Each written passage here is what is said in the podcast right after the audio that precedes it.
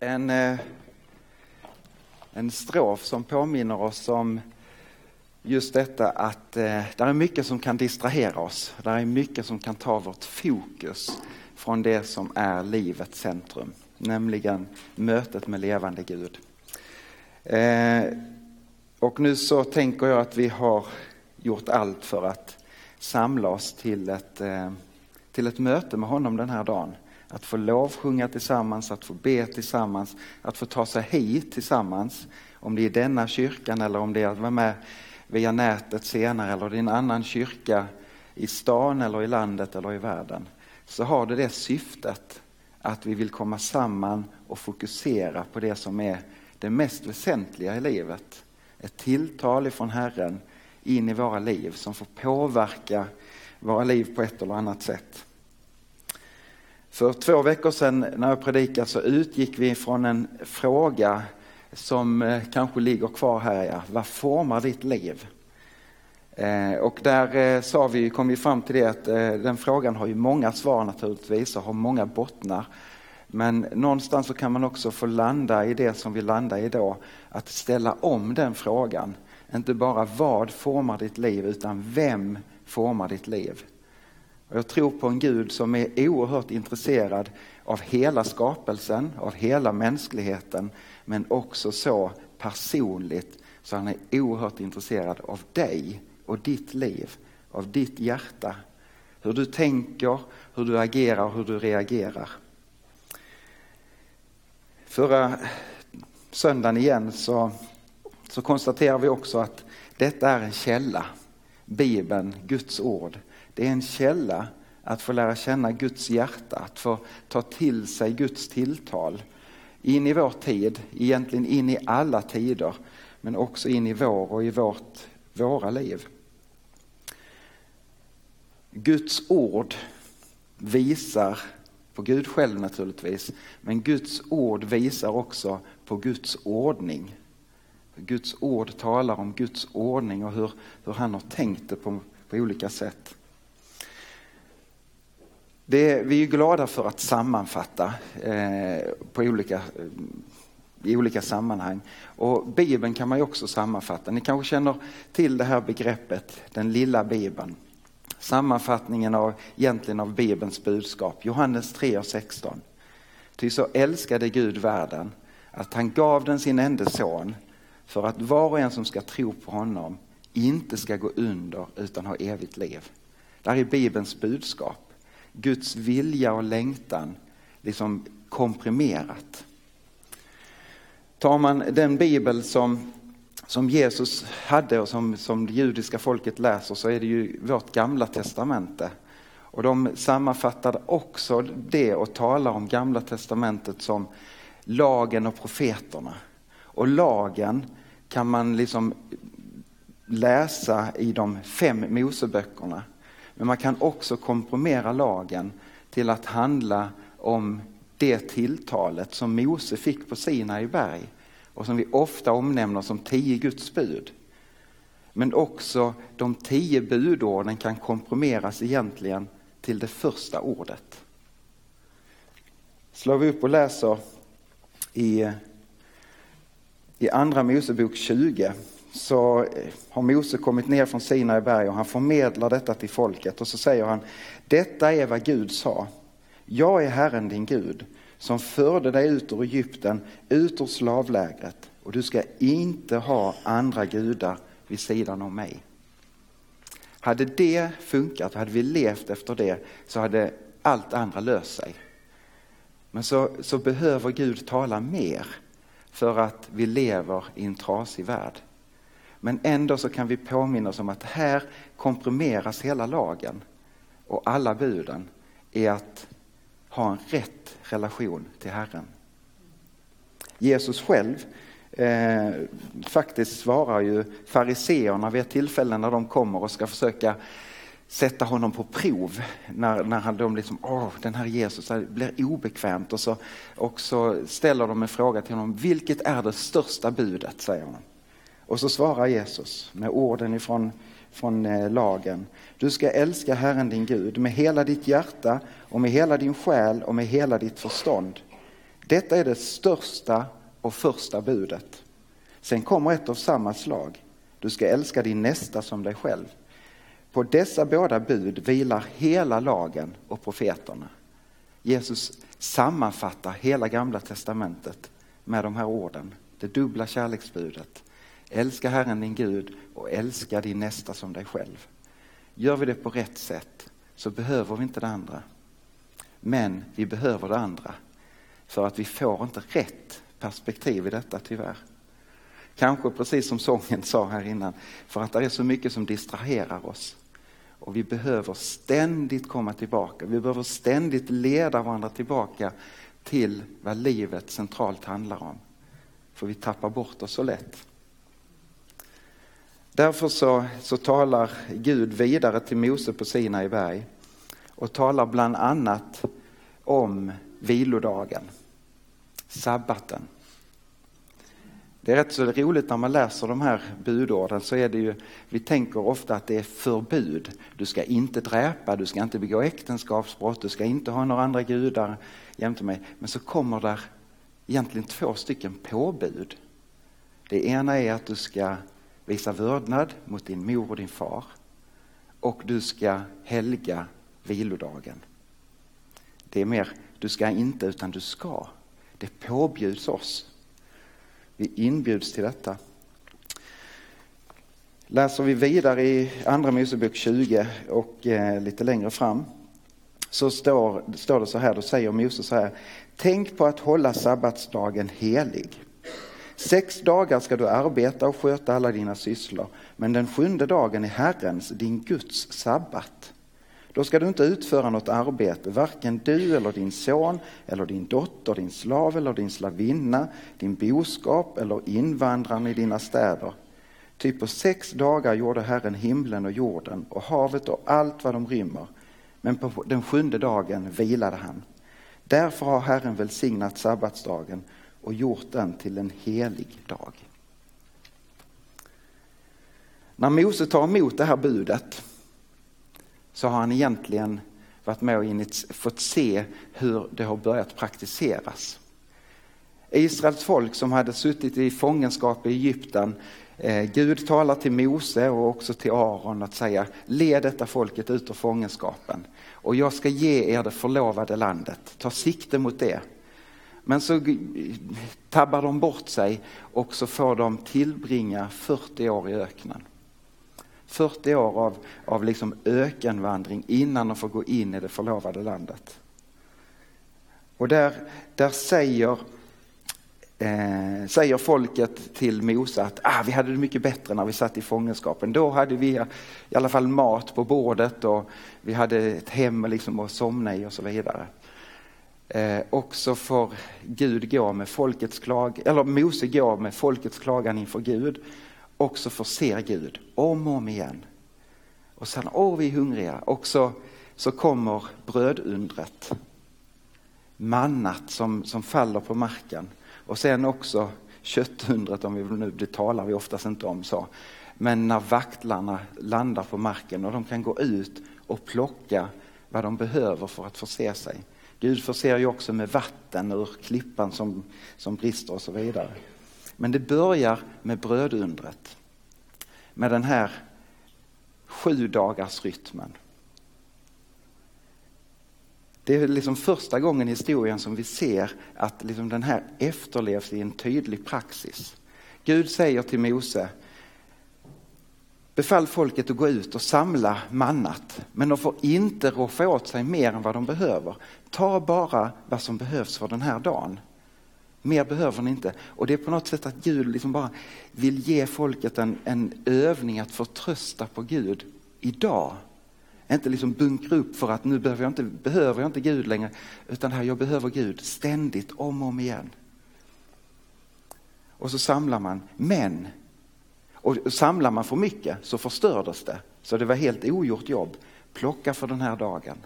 Men på den sjätte dagen ska du plocka dubbelt upp.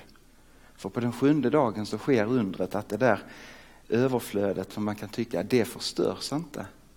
Utan de har mat också för den dagen. För på den dagen ska du vila. Precis som Gud vilade. Idag så har vi den här sju dagars rytmen skulle jag säga i stort sett över hela jorden. Det är på något sätt en rytm som är, är given ifrån skapelsens ordning.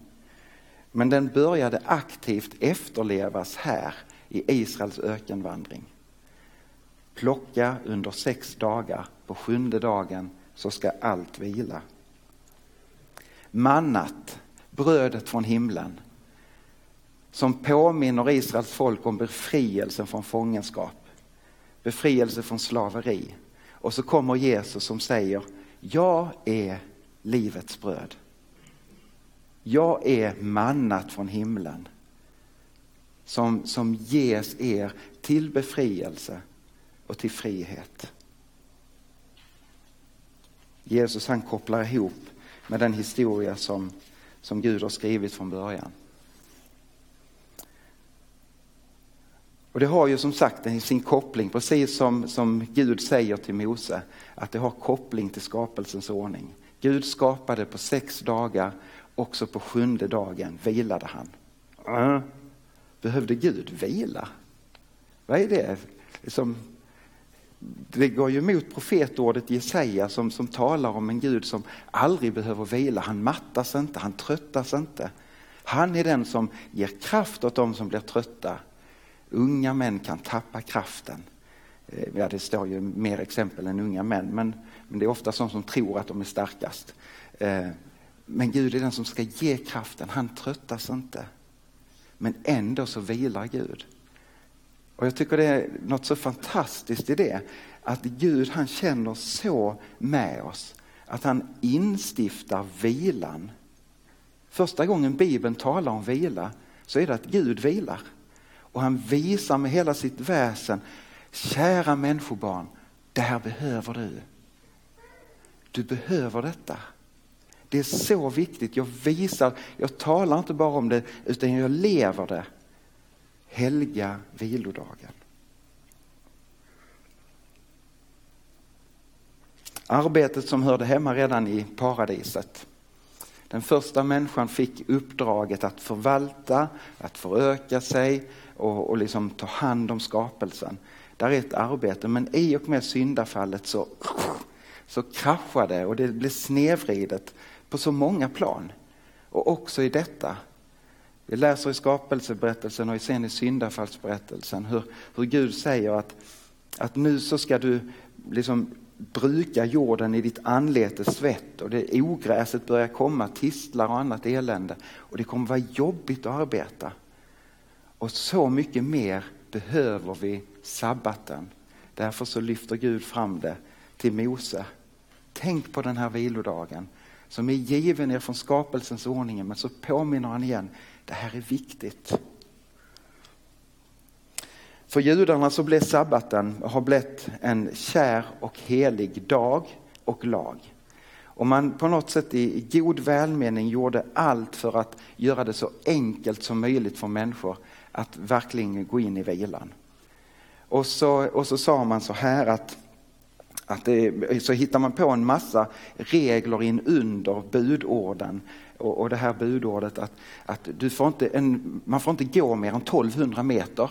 Ja, det är ju kanske inte riktigt en hälsning in i vår tid. Vi kanske behöver gå 1200 meter. Vi går inte så mycket kanske som man gjorde på den tiden. Men han sa, du får inte gå mer än 1200 meter. Du får inte göra något skördarbete. Du får inte ta hand och hjälpa en sjuk om inte det är fara för livet, utan det kan vänta till nästa dag. Reser man i Jerusalem idag eller Israel så kan man komma in på hotell som har speciella hissar, jag minns inte nu vad de heter, men som stannar på varje våningsplan. Så stiger man in i det bara för att man inte ska göra det där jobbet och lyfta handen och trycka på knappen. Du ska kunna gå in i vilan. Gå in i de ortodoxa kvarteren i Jerusalem vilken dag som helst på veckan. Det är fullt av liv och myller.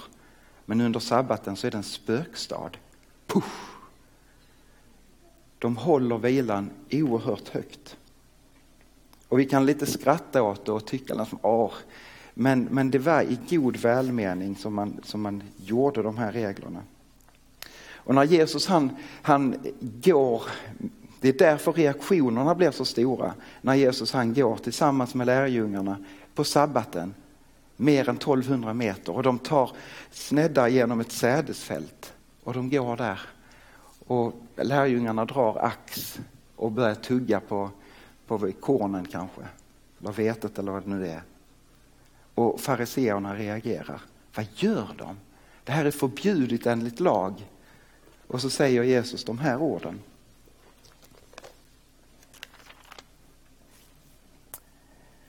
Sabbaten blev till för människan och inte människan för sabbaten. Jesus högaktade sabbaten. Han gick till synagogan så som det påbjöds. Han, han liksom tog tillfället i att, precis som vi nu vill göra, att rikta in livet på nytt. Så, så ändå reagerar han på en lag som har blivit strikt hållen och som har blivit felförstådd. Och man lever efter den på ett fel sätt som han menar. Sabbaten som, som egentligen var tänkt som ett medel för människor har blivit ett mål att uppfylla och så blir det fel. De första kristna var ju i huvudsak judar och de höll sabbaten på lördagen så som det påbjöds. De gick till, till synagogan men så samlades man också på söndagen. Man började liksom samlas för att det var Jesu uppståndelsedag. Det var, oh den här var värd att fira. Och man samlades för att fira nattvard, man samlades för att dela ordet och man samlades för att samla in pengar till de fattiga. Och så kom gudstjänstlivet igång. Och allt eftersom som fler och fler icke-judar kommer till tro så kommer det att liksom fasa över vilodagen och sabbatsbudet att handla om söndagen istället för lördagen. Den tidiga kyrkan, fornkyrkan, kan uttrycka det så här. Vi firar med fröjd den åttonde dagen då Jesus uppstod. Det är Herrens dag. Det finns en anledning att vi firar gudstjänst på söndagen framför andra dagar.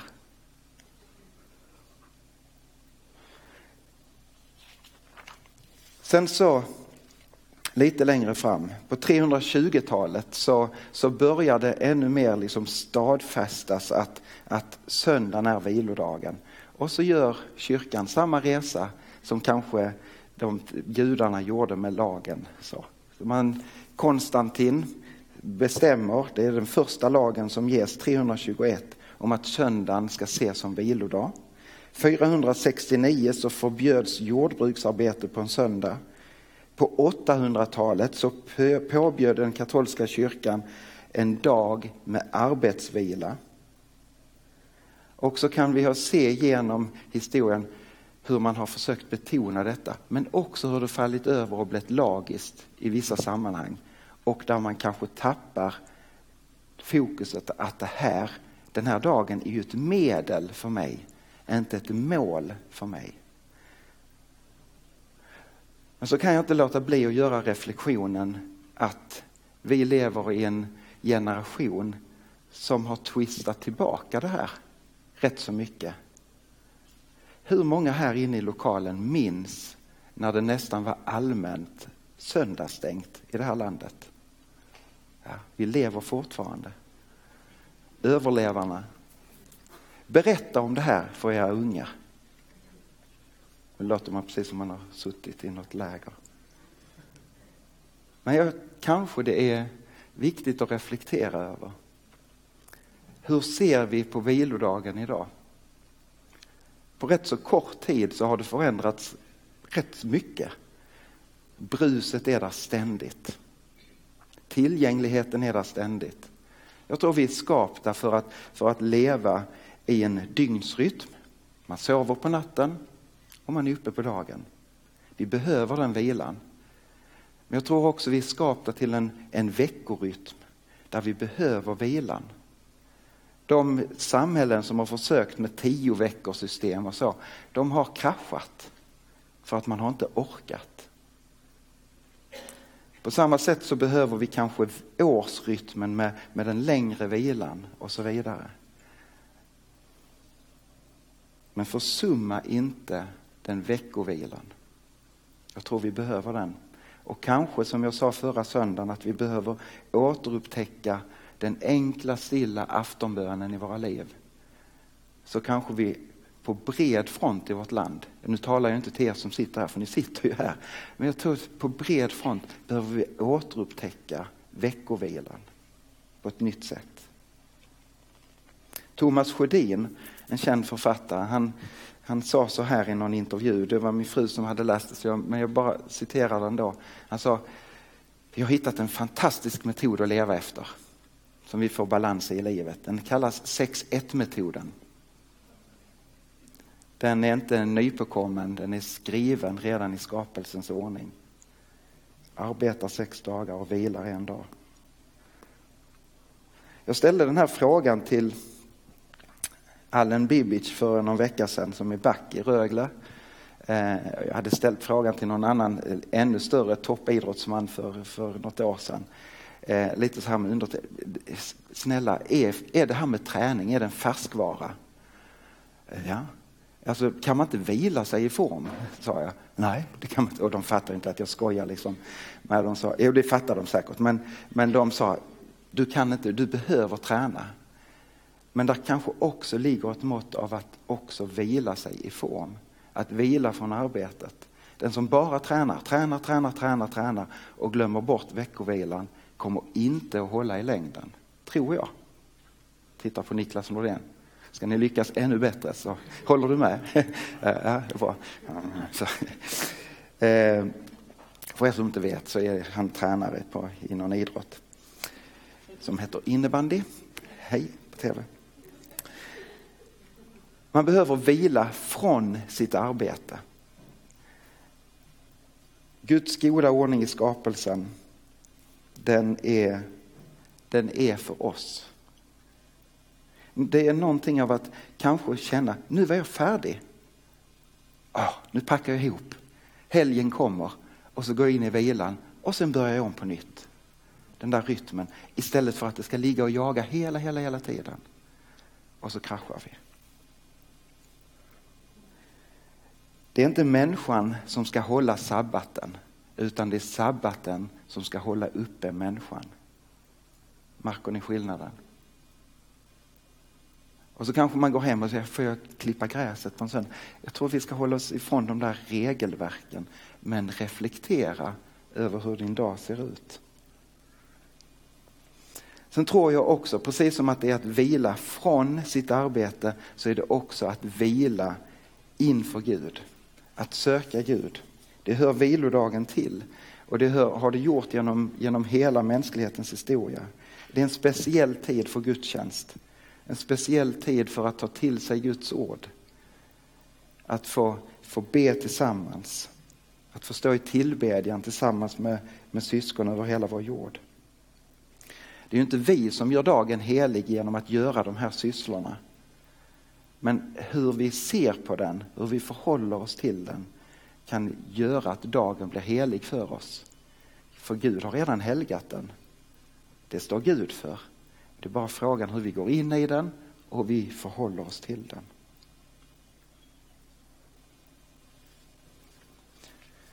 Så jag skulle vilja säga igen att detta är en god dag att få lägga ner sitt liv inför Herren.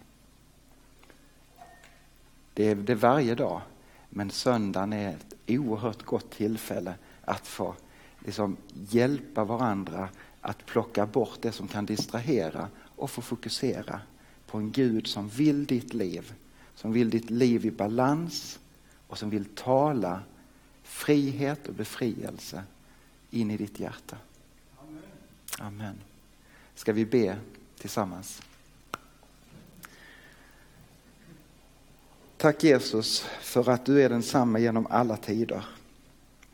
Vi tackar och prisar dig för att du är den som håller ihop tillvaron.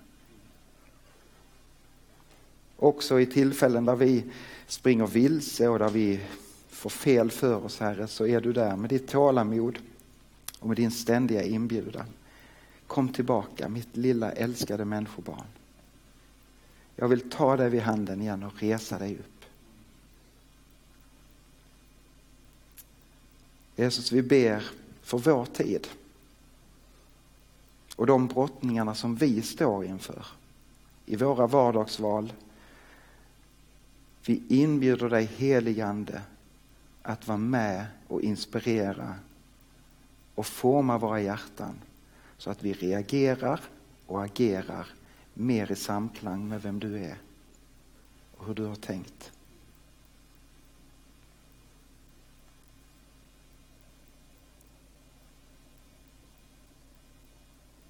Och vi ber om en, en väckelse i vårt land där människor på nytt får söka sig till kyrkan, till gudstjänsten och till gemenskap med dig. Låt söndagen få bli en helig dag i vårt land. I Jesu namn. Amen.